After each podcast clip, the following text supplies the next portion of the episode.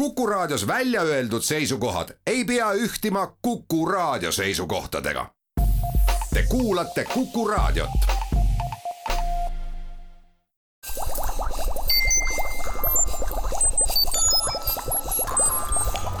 kukkuv õun head Kuku kuulajad, Kuku Õun eetris. meie tänane Kuku Õun on pühendatud vähem kui nädala pärast algavale terve päeva Telliskivi loomelinnakus kestvale festivalile, kosmosefestival sada kilomeetrit kosmosest, mis on seotud asjaoluga, et sel sügisel või võib-olla järgmisel kevadtalvel lennutatakse Prantsuse Guajanast kosmosesse Eesti järjekordne tudengisatelliit EstCube kaks. täna olemegi EstCube kaks satelliidi asjus külla kutsunud Katriin Kristmanni, kes on muidumaterjaliteaduse doktorant, aga EstCube kaks projekti kommunikatsioonijuht ja Hans Terase, kes on selle projekti juht ja vastutab selle eest, et satelliit õigeks ajaks valmis saaks. püüamegi siis täna aru saada, mida ja kuidas see satelliit tegema toimuma hakkab, millist eh, edu me sellega oma kosmosetehnoloogia arendamisel saada võime ja kõigest muust veel. mina olen saatejuht Marek Strandberg ja külalistele tere! tere päevast! tervist! Pole see ju esimene kuubikujuline satelliit ja nagu ma aru saan, välisvaatluse põhjal ei ole ka see Est-Cube kaks üldsegi mitte kuubik, vaid selline tahukas aga esimene Est-Cube üks oli ta järjekorranumber arusaadavalt, lennutati üles vist juba kaks tuhat kolmteist täpselt nii see oli. Ehm, see oli siis meie Eesti esimene satelliit, Escube üks ja selle tekke ju ei olnud niimoodi, et ah, meil on siin Bojanas praegu üks äh, koht siin raketile üles, tooge üks satelliit siia. see kestis ikkagi pikemalt. Äh, Eesti oma nii-öelda uue põlvkonna siis satelliitide elulugu on kui pikk, millal hakati seda Estcube ühte välja mõtlema? seda Estcube ühe projekti ilmselt ääri-veeri algas seal kuskil juba kahe tuhande kaheksanda aasta paiku, kus siis äh, tulid esimestel äh, nii-öelda aktiivsematel tudengitel tuli mõte, et et oot-oot, et äh, välismaal ehitatakse niisuguseid ägedaid asju, et aga meie siin Eesti äh, tärkav IT, IT-tiiger, et, et miks meie siis ei, ei tee niisuguseid ägedaid samme. Ja, ja siis äh, vaikselt leitigi omale niisuguseid toetajaid kõrgemalt ja madalamalt ja, ja ümber, ümberkaudsetest tudengitest ja, ja koostati niisugune tiim, kellega siis koos hakati pusima ja mil selle tulemusena siis saadeti edukalt lõpuks kosmosesse kaks tuhat kolmteist, see Est-Cube üks. Nüüd on Est-Cube kaks, sellest on siis möödas enam-vähem äh, rohkem aega, kui John Kennedy ütles, et me peame kuu peale minema ja esimene rakett lendas sinna juba mingisuguse kuue või seitsme aasta pärast, ehk et väikeste riikide kosmose edendamine on natukene üle kivide ja kändude käiv asi, et aeganõudev. no ütleme, et siin on äh, võib-olla ka eri, erisus suurem või väiksem sellest, et kui, kui ikkagi üks äh, super, supervõim maailmas äh, suunab oma, oma eesmärgi ja eelarve mingi asja taha ja, ja suudab sinna mobiliseerida tuhandeid erafirmasid versus siis niisugune paarist tosinast tudengist koosnev punt, kes, kes seda nii-öelda hobi korras põlve otsas nokitseb, et, et, et eks seal tekivad need nii-öelda ajakava erisused kindlasti sisse. kui teistpidi võtta, siis ju ega seesamagi Apollo kosmoseprogramm on tootnud meile ju tänapäevaks kogu selle tehnoloogilise baasi, mida me ju siiamaani naudime. arvutid, kõik muu sinna juurde kuuluv, ehk et sellist nii-öelda suurt revolutsiooni tõenäoliselt kosmosetehnikas või üldse tehnoloogias hetkel ei ole, mida uute kosmosemasinatega lahendada. selle kohta on jah, see, et, et, et inimestel tihtipeale puudub isegi see, see aimdus, et kui paljud tänapäeval nagu meie igapäevaseks äh,, elu igapäevaseks osaks saanud seadmed on, on tegelikult alguse saanud ühest või teisest kuidagi kosmosearendustööga seotud, seotud nagu ettevõtmisest, aga, aga eks tänapäeval ka ikkagi tekib siin ja seal väga paljusid uusi põnevaid asju, mida, mida just nagu kosmosevaldkonnas pusitakse või siis mingis äh, kosmose, kosmosega ka tegeleva ettevõtte kuskil kõrvallaborites pusitakse, mis siis saab hoopis mingi spin-off'ina äh, uue väärtuse ja, ja, ja, ja lahendab mingeid väga põletavaid probleeme meil siin nii-öelda niisama ühiskonnas maa peal. Katriin, tean, et sa tegeled pooljuhtidega öö, äh, oma doktoritöö raames. nüüd, kui ette kujutada seda, mis mis on selline äh, võluvasi, mis äh, kosmosega seotud, nimelt nähtusnimega mikrogravitatsioon.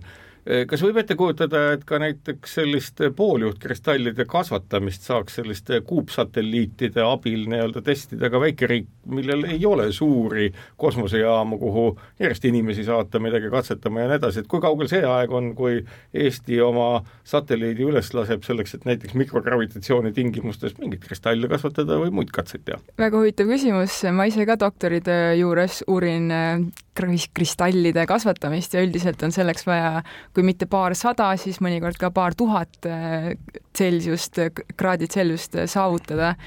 Nii et seda võib olla sellisel kümme korda kümme sentimeetrit kuupsatelliidil aeg-ajalt nagu keeruline hoida, aga minu projekt tegelikult uurib isegi kuu peal nende kristallide kasvatamist, kus samuti on mikrogravitatsiooni keskkond. nii et äh, ma arvan, et Eesti projektide ja Eesti teadlaste töö jõuab äh, üsna peagi kosmosesse ja hakkame neid äh, materjale seal uurima.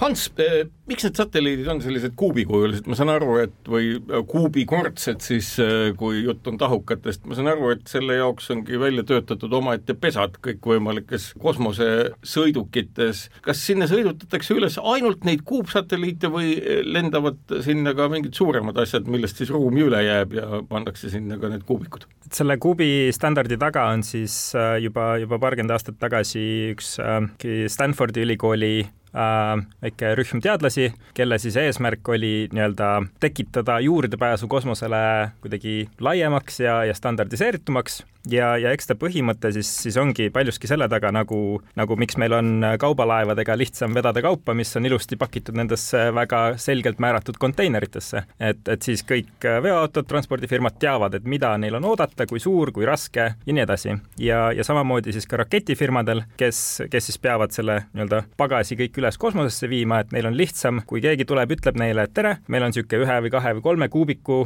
suurune satelliit ja nemad automaatselt teavad, mis see teeb millimeetrites mis see teeb raskuses, mis see teeb kõigis muudes näitajates, selle asemel, et vahetada tuhandeid või kümneid tuhandeid lehekülgi dokumentatsiooni, kuidas jälle kellegi imelik kõver antenn kuskilt välja turritab ja kuidas seda kõike pakendada siis nagu ja raketi peale. ei sobi üldse, üldse ühegi teise asjaga ja just. tuleb pidada väga palju koosolekuid. Äh, küsin veel detaili, et nüüd, kui me kujutame ette, et see on sinna kuhugi pakitud, et mismoodi käib selle satelliidi sealt nagu üle ääre lükkamine, et äh, see nüüd hakkaks iseseisvalt liikuma, et noh, ma kujutan ette, et see kapsel, kuidas me iganes seda nimetame, jõuab sinna orbiidile, ta liigub mingi kiirusega, mil moel nad sealt siis välja lükatakse, et nad väga lähestikku üksteisele ei oleks ja sellepärast, et esimene Est-Cube üks, kui ma mäletan, siis mingi paari tunni pärast äh, alles nii-öelda pääses omaette orbiidile, kuidas see asi välja näeb? Neid missioone on, on hästi palju erinevaid, seinast seina, et, et osade peal on, on pigem on ju suured satelliidid, osade peal on noh, sadu väiksemaid satelliite ja, ja, ja hästi levinud ongi, ongi siis see, kus, kus, kus missioonil on üks suur põhiline see nii-öelda reisija, üks suur satelliit, mis siis on, on ostnud enamuse sellest raketi nii-öelda stardist ja, ja siis sinna kõrvale vahele, kus iganes on ruumi, põhimõtteliselt pakitakse omaette konteineritesse siis neid väikseid satelliite ja, ja kuidas nende nii-öelda vabastamine välja näeb, on siis see, et äh, rakett kõigepealt üritab jõuda sinna orbiidile, kus, kus see peareisija nii-öelda tahab maha minna.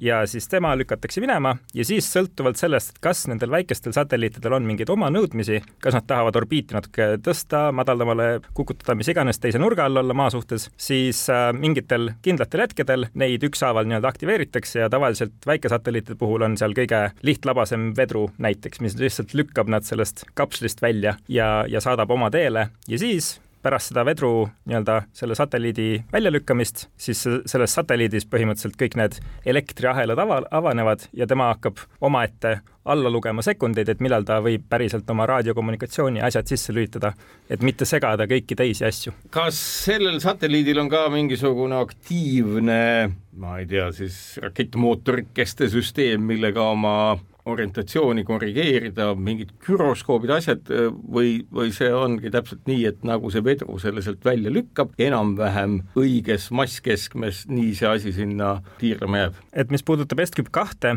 siis S-Cube kaks on meil niisugune äh, ütleme natukene isegi üle, ülearendatud selle oma asendi kontrolli võimekuse suhtes, et enamasti madal maaorbiidil piisab äh, ütleme niisugusest kas näiteks mingist passiivsest asendikontrollist, kus satelliidi peal on üks suur magnet, mis teda hoiab kogu aeg ühes suunas, äh, maa magnetvälja suhtes siis, või, äh, või ja sellest piisab täiesti? põhimõtteliselt, kui, kui sinu antennid ja kõik muud nii-öelda missiooninõuded ainult tahavad, et, et see, see satelliit oleks seal kuidagi etteaimatavas, etteaimatavat pidi paigas, siis sellest täitsa piisab. kuna aga Escape kahe pardal on meil mitu väga nii-öelda kriitilist eksperimenti, mis nõuavad üsna suurt seda satelliidi osutamistäpsust, ehk siis meie pardal on näiteks kaks suurt kaamerat, mis, mis nõuavad, et peaksid väga, maa poole vaatama. väga täpselt peaksime vaatama just mitte ainult maa poole, vaid, vaid ka juba nagu mingi kindla noh, asula või, või metsa või mille iganes saare poole, et siis äh, see juba nõuab et, et meie nii-öelda raketipardal oleks rohkem võimekust ennast väga täpselt suunata. ja mismoodi seda tehakse siis? Escape kahe pardal on siis äh,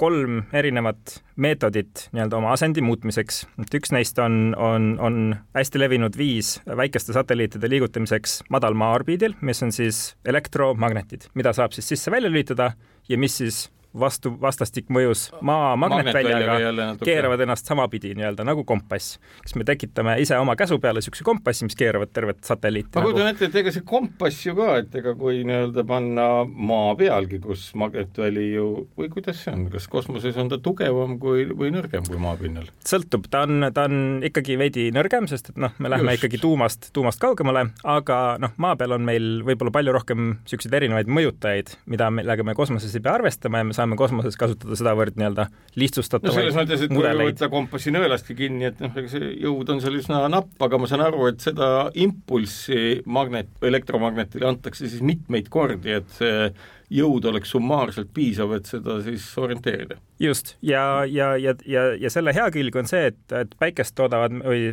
päike, päiksest me saame lihtsalt põhimõtteliselt lõpmatuseni tasuta energiat ja ainuüksi selle energiaga me saame satelliiti äh, õiget pidi korrigeerida. Escape kahe pardal on need äh, magnettõukurid nii-öelda või elektromagnetid justkui tagavaraks igaks juhuks kaasas. nii, ja mis need põhilised kaks siis ja, on? ja meie kaks põhilist on siis äh, hoorattad, ühed väiksed, väiksed hoorattad, mis siis pannakse väga kiiresti ühtepidi keerlema, mis sunnivad jah, satelliidi teistpidi keerlema ja, ja neid on siis nii-öelda, need osutuvad kolme erinevasse suunda, et siis satelliidi igat, igat telge kontrollida ja, ja enamasti käivad koos nende hoorataste või noh, güroskoopidega siis kaasas ka mingi muu äh, viis ähm, siis neid güroskoope vahepeal nii-öelda maha rahustada, sest et äh, satelliit, mis liigub kosmoses, talle mõjuvad pidevalt mingid erinevad mikroskoopilised jõud, näiteks olgu see päikselt tulev äh, kiirgus, mis sunnib seda satelliiti veidi laperdama, lihtsalt see, et päikselt tulevad footonid tabavad satelliidi eri tahkusid eri nurga all, sunnib satelliiti veidi laperdama. Ja siis samamoodi on meil gravitatsioon, mis väikse satelliidi puhul võib-olla ei mängi väga palju rolli, aga gravitatsiooni nii-öelda gradient või vähenemine satelliidi ühest otsast teise sunnib ka satelliidi erinevaid otsi justkui erinevalt käituma ehk see... väikesed, väikesed jõud ja väike satelliit on enam-vähem niisugused parajad partnerid, et äh, asjad, mis meid igapäevaelus nagu üldse ei kõiguta, noh, meie, ma ei tea, jalgratas või auto võib rahulikult parklas olla, ilma et päikesetuul seda ära viiks, siis satelliidiga on hoopis teine lugu. satelliidiga on hoopis teine lugu jah, sest ta asub ise kaaluta olekus ja iga väiksem kui põhimõtteliselt sõrmepuudutus või osake, mis teda tabab, sunnib teda kuidagi pöörlema. kuna pidevalt niisugused efektid lisavad satelliidile mingit suvalist umbmäärast pöörlemist, siis hoorattad ei suuda lõpmatuseni seda pöörlemist takistada ja, ja selle tulemusena võib olla olukord, kus me peame pidevalt mingeid hoorattaid hoidma pöörlemas, et satelliit püsiks paigal ja me saaks pilte teha. ma praegu oletan lihtsalt juttu kuulates, et ilmselt peab olema ka mingi sensor, mis ütleb, et äh, milline see asend on, et äh, ilmselt ka väga-väga tundlik äh, güroskoop tõenäoliselt või mingisugune niisugune kaadervärk, kui täpselt Äh, maa peale seda infot siis sealt satelliidist tuleb, et mitu kraadi ta liikunud on või kui täpselt see asend on teada, noh, nii-öelda selles digitaalses äh, teisikus, mis tõenäoliselt kusagil maa peal mingis arvutis istub? see sõltub jällegi missiooni nii-öelda nõuetest, ütleme, et siis kui, kui pardal ei oleks kaameraid, mis nõuavad niisugust ülimalt täpset äh, osutamisvõimekust, siis, siis, siis see ei ole nagu kriteerium, mille järgi seda satelliiti peaks disainima. kuna meie pardal aga on niisugused äh, kaamerad, mis nõuavad seda stabiilsust ja, ja, ja osutamisvõimet, siis meie äh, disaini järgi see nii-öelda täpsus võiks jääda kuskile sinna null koma kahe, null koma viie kraadi kanti kindlasti vähemalt. Ja, ja selleks, et seda saavutada, on siis satelliidi pardal ilge kogus erinevaid äh, andureid, sensoreid, äh, näiteks siis magnetomeetrid, mis mõõdavad, on ju, kol-, kosmoses lihtsalt seda kolmesuunalist magnetvälja ja ka güroskoobid, mis mõõdavad satelliidi pöörlemist. meie satelliidi igas küljes on, on siis kuus päiksesensorit, mis siis noh, oskavad meile öelda, kus pool on päike, järelikult me saame noh, aru, mis pidi see satelliit siis parasjagu on ja lisaks meil on pardal ka niisugune asi nagu tähejälgija, mis siis on justkui minikaamera, mis vaatab tähistaevast, teeb sellest pildi, leiab, et ahah, seal on niisugused tähed või niisugune tähtkuju ja siis ta oma sisemise tähekataloogi lappab läbi piltlikult, leiab sellesama tähekombinatsiooni ja ütleb, et ahah, järelikult see kaamera vaatas sinna suunas ja, ja järelikult no piltlikult nagu väike James Webbi ütleme, see kosmoseteleskoop, mis ju ka otsib, eks ole, üksikut objekti ja peab ennast paigal noh, pooleteist miljoni kilomeetri kaugusel maast umbes just. samade, samade kriteeriumitega. just, et James Webbi peal on siis tõesti äh, lausa mitu niisugust tähekaamerat või tähejälgijat, mis siis jah, hoiavad ennast fikseerituna mingite kindlate punktide alusel ja, ja selle järgi siis ülimalt täpselt oskavad öelda, kus see James Webb, Webb, Webb parasjagu siis osutab. Katriin, ma küsin seda, et äh, see tudengisatelliidi tegemise kampaania või projekt või programm isegi võib tänasel päeval juba öelda, see on ju hariduslikult täiesti unikaalne, noh vähemalt Eesti jaoks, mille tulemusena tõenäoliselt ilmselt tekivadki ka siia inimesed, kes kunagi on suutelised ka James Webbi teleskoobilaadseid asju ehitama. kas see hariduslik pool on täna juba mõju avaldanud, et kui palju sellest S-Cube'i esimese satelliidi seltskonnast on endale täna nii-öelda leidnud kosmosetööstuses või äris eh, koha nii palju, kui mina olen äh, kuulnud, siis esimesest TestCube'i projektist äh, jätkasid äh, kõik peamised insenerid kas oma ettevõtetes või suurtes teadusasutustes. terve see TestCube'i projekt on, ma ütleksin selles mõttes, nagu ka sina ütlesid, väga väärtuslik ja, ja unikaalne. et ma tean, et osad insenerid jätkasid seal Massachusettsi Tehnoloogia Instituudis, aga mindi ka NASA-sse oma postdoc'i tegema ja on asutatud ka Eestis uusi süvatehnoloogia ettevõtteid, võib-olla isegi uudistes on läbi käinud Crystal Space'i ja, ja Krakuli need kaamerad, mis Just, ka NASA jaoks. Äh, teevad ühe NASA programmi jaoks äh, kaameraid. kas selle Est-Cube kahe projekti kaamerad on ka spetsiifiliselt just selle jaoks üles ehitatud või on need kusagilt kellegi riiuli pealt ostetud? Nende kaamerate lugu minu meelest on isegi väga huvitav Estcube'i peal, need on vist eh, tehtud eh, ühe Euroopa suurema satelliidiprojekti jaoks või? Nende originaaldisain jah, on, on, on siis väike ähm, Tartu Ülikooli Tartu Observatooriumi inseneride tiim, kes siis ka Estcube ühest nii-öelda välja kasvas ja, ja kes siis äh, hakkasid arendama välja äh, kahte kaamerat niisuguse äh, Euroopa satelliidi jaoks nagu ESEO, ähm, mis on siis European Student Earth Orbiter ähm, ja selle raames siis äh, mugandati S-Cube ühe kaamera ja arendati välja siis ka suurem äh, nii-öelda kaamera, mis, mille alusel siis, siis valmistati hiljem ka veel kaks nii-öelda S-Cube kahe peale minevat maavaatluskaamerat. ma vaatasin, et see töötab või need kaamerad töötavad vaid kahel äh, lainepikkusel. nüüdisajal on ju moodne see, et et äh, kõiki asju vaadatakse kümnetel ja kümnetel lainepikkustel. kas ma oletan õigesti, et see, miks seda ei tehta, seal on lihtsalt andmeside kiirus? see on äh, üks põhjustest kindlasti, et äh,, et mida, mida suurema ja, ja, ja nii-öelda mida teravamaid pilte me üritame teha, seda nii-öelda suuremaks lähevad sensorid, seda suuremaks lähevad andmemahud ja, ja mida rohkem nii-öelda värve või spektreid me üritame salvestada, siis, siis jah, loomulikult seda kümneid ja kümneid kordi suuremaks lähevad need andmemahud, mida me peame alla tagasi saatma. nüüd äh, SCP kahe pildid äh, võrreldes siis SCP ühe piltidega on, mis, mis olid ilusad, värvilised, äh, rõõmustavad, aga, aga väga palju peale selle nendega nagu teha ei saanud, siis SCP kahe kaamerad on, on ikkagi nii-öelda teadusliku eesmärgiga kui suur see lahutus on, üks punkt sellel kaameral on satelliidi kõrguselt mitu meetrit maa peal? Need äh, nii-öelda maa lahutus või resolutsioon peaks jääma sinna kahekümne kolmekümne meetri vahele iga piksli kohta. ehk siis kui, kui Escape üks tegi pildi siin juba nii-öelda kogu Baltikumist või, või midagi niisugust, siis Escape kahega saab äh, rahulikult üles võtta juba mingeid noh, võib-olla metsatukkasid või, või, või põlde või, või niisuguseid asju. et see lahutus on nagu palju suurem ja, ja mida need kaks ainsat üksikut nii-öelda spektrivahemikku, mida me, mida me jälgime, mida need annavad, äh, on siis võimalus võrrelda neid spektrivahemikke omavahel. Äh, üks spektrivahemik on siis nii-öelda punases ähm, laine osas ja, ja teine on infrapunases, ehk siis ta justkui mõõdab soojuskiirgust ja, ja mida nende kahe võrdlemine mingi kindla valemi järgi annab, on, on öelda, kui palju vegetatsiooni või rohelust asub parasjagu seal pikslis nii-öelda, mis tähendab, et see annab meile, meie teadlastele juba niisuguse kvalitatiivse või kvantitatiivse võimaluse nii-öelda koguda väärtuslikku infot äh, siis all oleva maapinna kohta, mitte enam teha ilusaid pilte, sest et äh, SKP2 pilte vaadates on nad suhteliselt igavad, võib-olla mustvalged, kust väga palju toredat ei ole välja lugeda. SKÜ1 puhul oli ju üks äh, katsetuse eesmärk, mis vist ei õnnestunudki välja ajada sealt traat mis laetult oleks pidanud seda satelliiti pidurdama, nüüd tehakse seda uuesti. mis selle mõte on? see elektripurje või, või siis plasmapiduri äh, nii-öelda mõte on, äh, on niisugune, teda võib võtta kahes erinevas võtmes, et, et SCP kahe puhul, kus me oleme siin madalal maaorbiidil, maa kaitsva magnetvälja sees, siis äh, me saame seda nii-öelda plasmapidurit kasutada satelliidi pidurdamiseks ja tõesti alla-tagasi toomiseks. lähedal maale tähendab kilomeetrites? Äh, viissada kuuskümmend kilomeetrit orienteeruvalt. hästi lähedal. üsna lähedal. Ähm, ja, ja siin me saame seda nii-öelda laetud traati siis elektrostaatiliselt ähm, kasutada atmosfääris oleva, olevate ioonidega vastastikmõjus ja need joonid, mis lihtsalt liiguvad ja ei taha tulla selle traadi lähedale,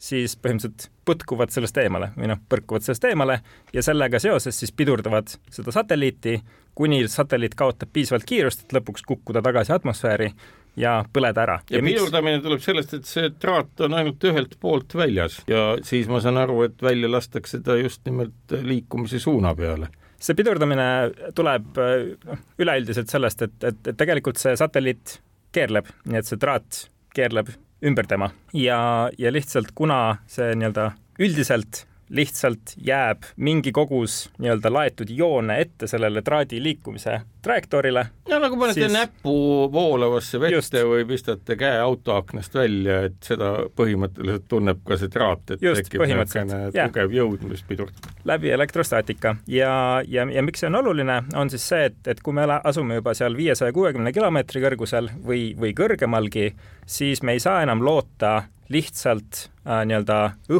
õhutakistusele või, või nendele üksikutele õhuosakestele, mis seda satelliiti pidurdaksid ja lõpuks alla-tagasi atmosfääri, sunniksid kukkuma, et, et need satelliitide eluead ületavad väga-väga palju kordi seda nii-öelda missiooni eluiga. satelliit teeb mitu aastat oma pildid ära, aga siis ta lülitatakse välja ja ta jääb lihtsalt sinna tiirlema. aga et selleks, et seda satelliiti sealt uuesti alla tuua ja et ta ei jääks sinna nii-öelda kosmoseprügina, siis äh, selleks on vaja aktiivselt kuidagi midagi teha, et, et see tagasi alla tuua või kuidagi ilus, ilusti kahjutusse vormi panna. aga siinkohal teeme saatesse väikese pausi ja olge hea, kuulake meid jälle pärast vaheaega. kukkuv õun head Kuku kuulajad, Kuku Õun jätkub, meil on külas kaks inimest, kes seotud Est-Cube kahe projektiga, millest me oma saates ka räägime Hans Teras, kes on selle projektijuht ja Katriin Kristmann, kes on selle projekti meediajuht või kommunikatsioonijuht. loomult on ta materjaliteaduse doktorant, nii et iga üliõpilane peab tegema mitut tööd, meil on saatejuht Marek Strandberg, ennem oli juttu sellest, et neid satelliite on seal üleval. Katriin, kui palju neid on siis tänasel hetkel seal üleval ringi tolgendamas? siin tasub välja tuua päris tähtsa üksikasja, et kas me räägime töötavatest satelliitidest või prügi, prügi, mida me nimetame prügiks. Katki läinud masinad katki ja muud asjad või noh. või siis ka välja lülitatud satelliidid, mis on juba oli, missiooni lõpetanud. Neid äh, on siin ikka kümnete tuhandete äh, liigi maa orbiidil äh, tiirlemas, öeldakse isegi noh, oma lõpututele orbiitidele, aga lõpuks need ikkagi kukuvad alla. Nüüd kas neist aimu on, et kas keegi neid jälgib, kas iga no kui väike prügitükk on, mille kohta teadmine on olemas, kus see liigub parasjagu? Neid jälgitakse, Euroopa Kosmoseagentuuril on isegi Antarktikas üks äh, baas, kus äh, hästi tugevate laseritega jälgitakse prügitükkide liikumist orbiitidel, aga kuna need ei saada maale enam signaale, nagu töötavad satelliidid, siis, äh, siis on nende jälgimine ka väga keeruline. ma saan aru, et mida aeg edasi, seda keerulisem on üldse igasugust raketti ka sinna üles saata, kuna noh, nii-öelda tõenäosus, et kas siis lendab rakett või tiirlev tehiskaaslane mingi tükikesega kokku puutub, et see aina kasvab. prügitükiga kokku põrkamine ei ole kahjuks enam midagi uut, jah. Neid mittetöötavaid satelliite või siis ka lihtsalt prügitükikesi on orbiitidel päris palju ja need on ka rahvusvahelise kosmosejaamaga kokku põrganud, nende päiksepaneelidega kokku põrganud ja neid pilte, kriimustusi ja, ja seda kahju on, on nagu ka näidatud avalikkusele. Ebasoodsa nurga puhul on see kiirus ja energia ikka päris suur. tohutult suur, jah. nüüd äh, vist nii väike, mis see mõõtmed on, kümme korda kümme korda ja kui pikk see on siis just kolm, kolmkümmend sentimeetrit. kolmkümmend sentimeetrit, noh tegelikult väga väike karbike, selline nagu ütleme, nagu ühe kingakarp umbes. just. ühe kingakarp. täpselt nii. jah, ühe kinga, kui me nüüd ette kujutame, et selliseid satelliite suudaks Eesti üles saata, kui palju, et kas meil nagu tulevikus lihtsalt see, üks asi on see õppimine ja katsetamine, kas mingi asja jaoks on ka nagu seda lootust, et sellest mingit päris kasu on, noh näiteks, et nad jälgivadki põllumajandust või muud asja, kus nii-öelda ju ma kujutan ette, et kui keegi on teinud väga keerulise seadme, mis noh, teeb kõiki asju, mis vähegi pähe tuleb, et siis need teenused on ju ka üsna kallid lõppkokkuvõttes. et kas mingisugused nii-öelda kosmoseteenused, mida me suudaksime ise sel moel hankida endale, võiksid olla soodsamad ja taskukohasemad? et siin äh, mängivadki just äh, rolli näiteks erinevad äh, eksperimendid, mida juba Estküp kahe pardal on, on omajagu. millised ähm,? siis noh loetledes need üles, siis äh, näiteks needsamad maavaatluskaamerad, mille, mille siis nii-öelda spektrialad on, on, on valitud võrdlemaks seda siis äh, suure Euroopa Kosmoseagentuuri missiooni Sentinel kahega, mis siis äh, toodab võrdlemisi nii-öelda harva, aga, aga üsna head infot siis maapinna nii-öelda vegetatsiooni ja kõige muu kohta. ja, ja näiteks juba, kui need Estküp kahe pardal olevad kaamerad, miniatuurversioon nendest ja tõenäoliselt meeletult, meeletult odavamad, kui nende nii-öelda toodetud teadusväärtus on piisavalt suur, siis äh, meie nii-öelda võimekus kopeerida sedasama Estküp kahe missiooni ja neid maavaatluskaameraid ja saata veel mitu koopiat neid sinna üles, äh, siis pidevat vaatlust tegema äh, siis nii-öelda meie põllumaja, põllumajanduse, metsanduse, mille iganes muu jaoks, kas, kas või teistele riikidele, on, on nagu päris hea niisugune võib-olla kaalukauss äh, selle asemel, et omada ühte hirmkallist satelliiti või, või siis paljusid väikseid odavaid satelliite, mis kui mis suur nende kaamerate piksli mõttes lahutus on? Nende kaamerate piksli mõttes lahutus on, on paarkümmend meetrit äh, maapinda. mida see tähendab äh, megapikslites selle ja, sensori kohta? ja kaamera enda suurus on äh, kaks tuhat korda kaks tuhat pikslit, seega me pildistame siin umbkaudselt mingeid mõne, mõnekümne kilomeetriseid alasid. ehk nii-öelda nelja megapiksline kaamera piltlikult öeldes. ma mõtlen praegu selle peale, täiesti nii-öelda fantaseerin, mõte jookseb, kõik on väga huvitav, mis kõneletakse. hästi populaarne on tänasel päeval selline leiundustegevus, leiutustegevus, mis on seotud noh, mingite tarbeelektroonikaseadmete, näiteks mobiiltelefonide kasutamisega küll, meditsiinid diagnostikas küll kus iganes, noh, võetakse ette, ehitatakse sellest mikroskoop või, või, või spektromeeter või mis iganes, kuna ülimalt rikkalik, noh, maksab, eks ole, mõnisada dollarit või tuhat maksimaalselt või eurot, vahet ei ole. Ehm, kas keegi selle peale on ka mõelnud, et nii-öelda kas üldse nii-öelda meie mobiiltelefon seal kosmilistes tingimustes vastu peaks, aga et noh, täiesti sellisest nii-öelda riiulist võetud kaubast ehitada mingi sensorsüsteem, mis kosmosesse saata. et see ongi hästi paljuski juhtinud ka, ka, ka Escape kahe seda nii-öelda disainifilosoofiat ongi kasutada võimalikult palju niisuguseid saadaval olevaid komponente ja siis need ise arendada põlve otsas niisuguseks väga hästi integreeritud töötavaks süsteemiks. ehk siis äh, paljuski, mida me nii-öelda meie kaamerates kasutatakse, mida meie parvearvutites kasutatakse, kõik on põhimõtteliselt sensoorika, läätsed äh, ja, ja mikrokiibid, mida saab põhimõtteliselt iga inimene minna Oomi poodi ja, ja noh, anda tellimuse sisse. kas Est-Cube kaks on, kaks on ka tehtud põhimõtteliselt Oomi poe juppidest või enam-vähem sama taseme juppidest? jah. päris äge, selles mõttes nagu, et noh, ma kujutan ette, et siis ju võiks ette kujutada, et neid niisuguseid äh, satelliidi ehitamise käitisi võiks Eestisse tekkida väga palju ja palju ja erinevaid. ehk et ma saan aru, et olmetehnika tase on täpselt selline, et saad, saadetagu kosmosesse mida tahes. just nii ja, ja tegelikult, mis, mis, mis veel annab niisuguse hea äh, lisandväärtuse sellele kuupsatelliidi standardile, ongi see, et, et erinevad äh, firmad on saanud hakata tootma erinevaid väikseid mooduleid, mis on just nimelt selle kuupsatelliidi standardi järgi tehtud. ehk siis äh, kui mingil väiksemal tiimil ei ole võimekust arendada välja oma pardarvutit ja, ja muid asendikontrollisüsteeme, siis saab ka põhimõtteliselt lihtsalt samamoodi kellegi mingi firma riiuli pealt tellida juba niisuguse väikse mooduli, mis sobib sinu kuupsatelliiti ja, ja mis teeb kogu selle vajaliku arvutus ja, ja muu töö nagu sinu eest ära, mis, mis siis ilma, ilma selle standardita oleks, oleks olnud nagu suhteliselt raske.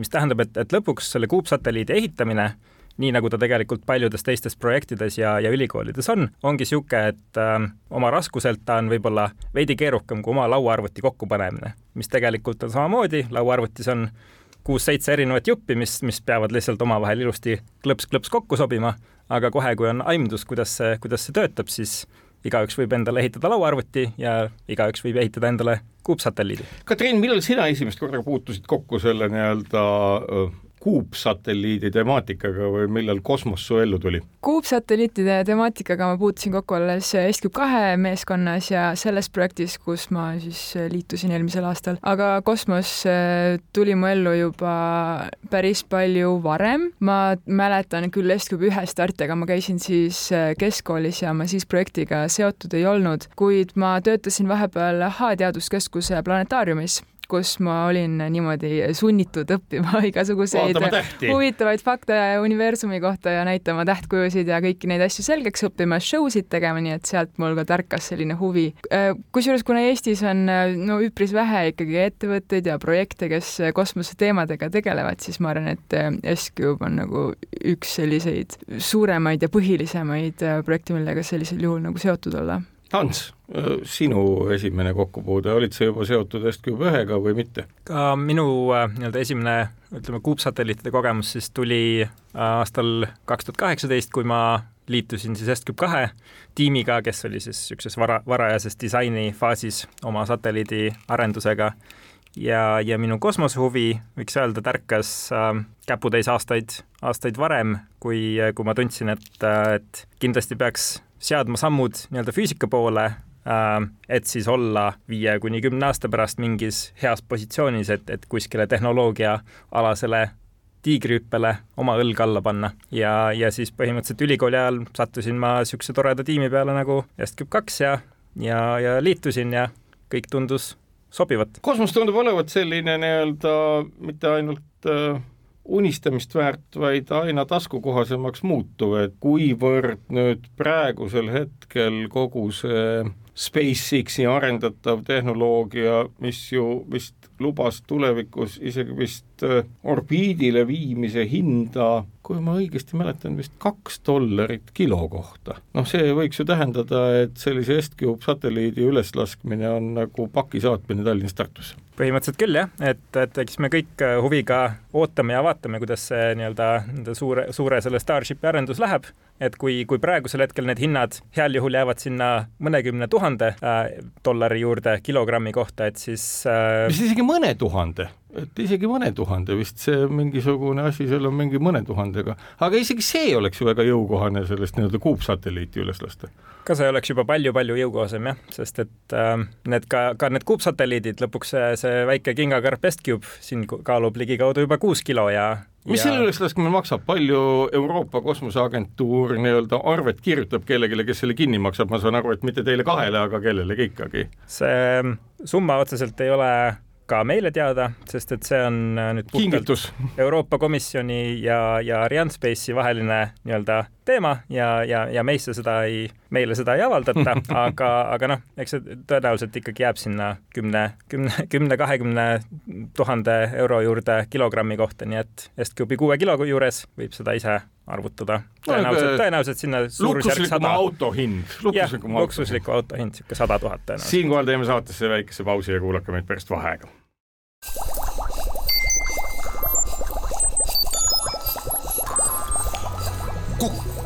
Kukkuv head Kuku kuulajad, Kuku Õun jätkub. meie viimases osas räägime edasi Est-Cube satelliidist ja ka sellest, mis üritusplaanis järgmisel nädalal meil on külas Katriin Kristmann, kes on Est-Cube kahe satelliidiprojekti kommunikatsioonijuht ja Hans Teras, kes selle äh, projekti enda juht, mina saatejuht Marek Strandberg. Katriin, äh, ma loomulikult ei oleta, et sa kõiki nüansse tead, ega minagi, mis puudutab kosmoseõigust, mis on omaette põnev teema, aga kuidas siis nüüd tänasel päeval on, et on sul mingit aimu, et iga üks, kes äh, satelliidi üles laseb, et mis ka Est-Cube'ist saab, et kas te loodate, et see traat tuleb välja, satelliit pidurdub ja kõik kukub atmosfääri tagasi või mismoodi see kord on?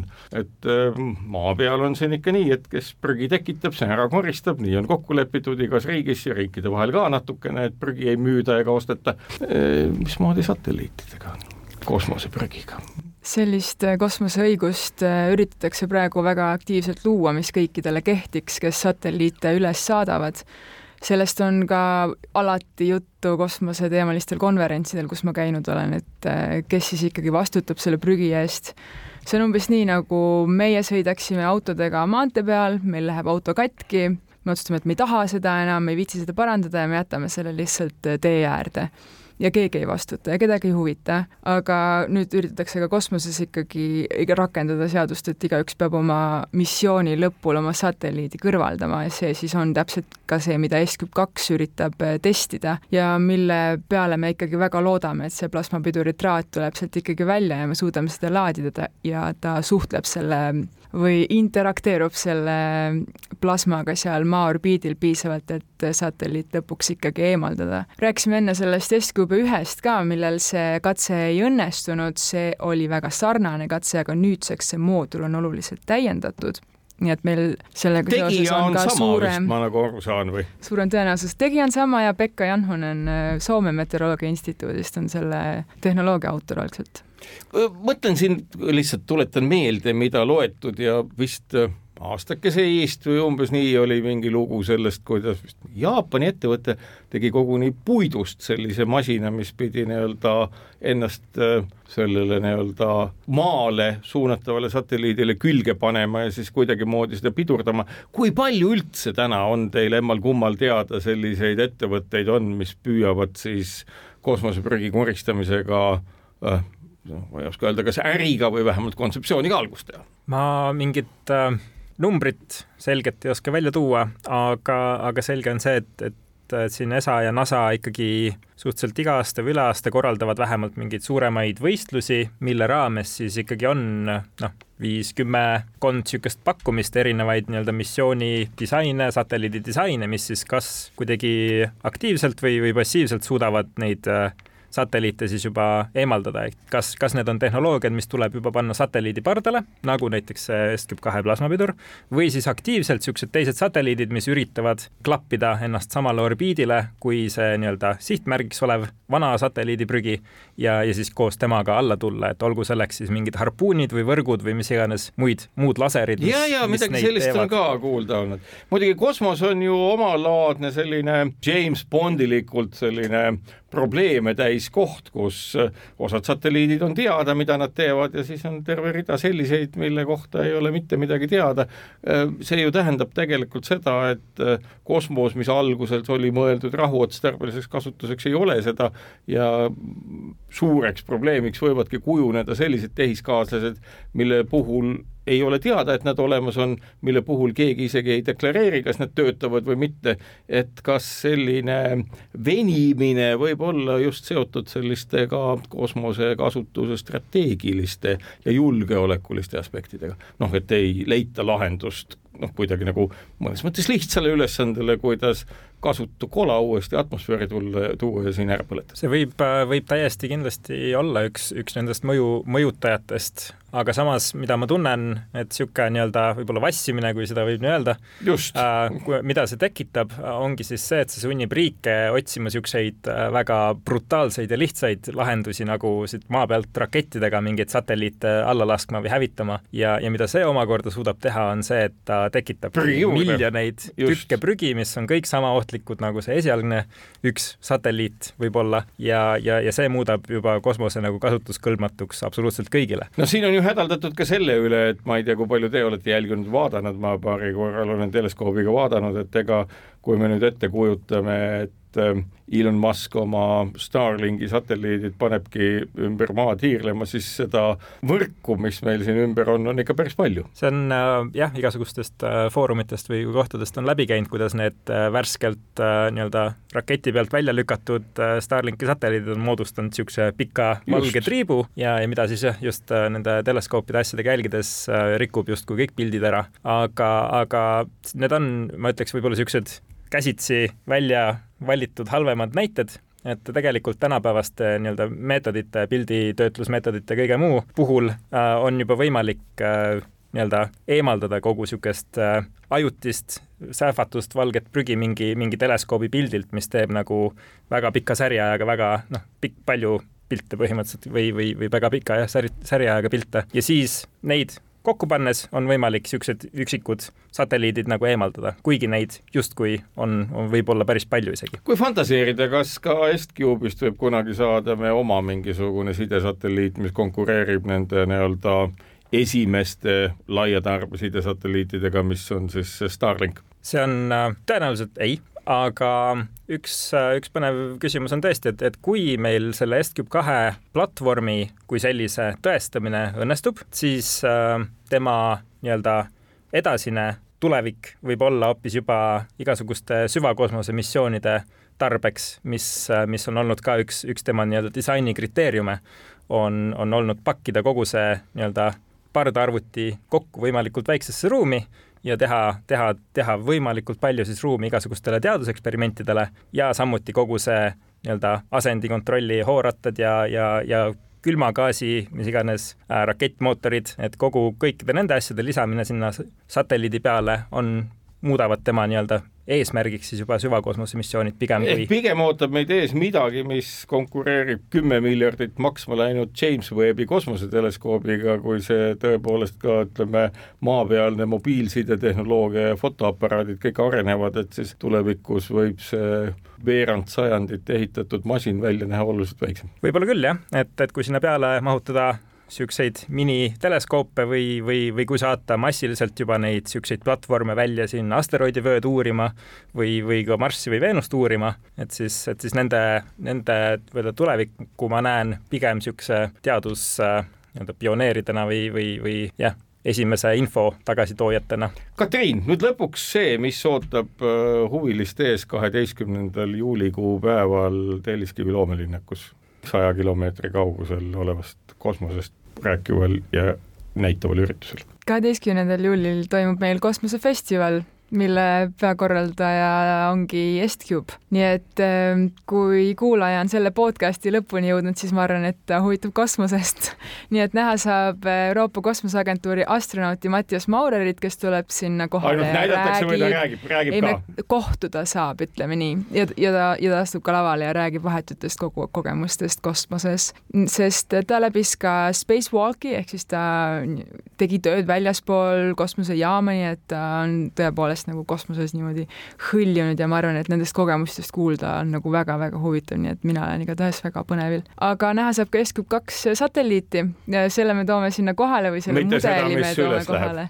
mudeli me toome mudeli. sinna kohale täpselt nii et sellele saab ka pilgu peale heita ning äh, tegelikult kavas on meil palju erinevaid äh, populaarteaduslikke ülesastumisi, see kava on, on täitsa avalik juba ja saadaval nähtav meie veebilehel estcube.eu või siis ka Facebooki ürituses Sada kilomeetrit kosmosest. aitäh, Katriin ja Ants, et saite tulla aega Kukusse õuna kõnelema sellest, mis äh, teoksil ja mis meid ees ootab. sellega on Kuku Õuna saade läbi kuulake meid jälle nädala pärast ja kaunist päeva. kukkuv õun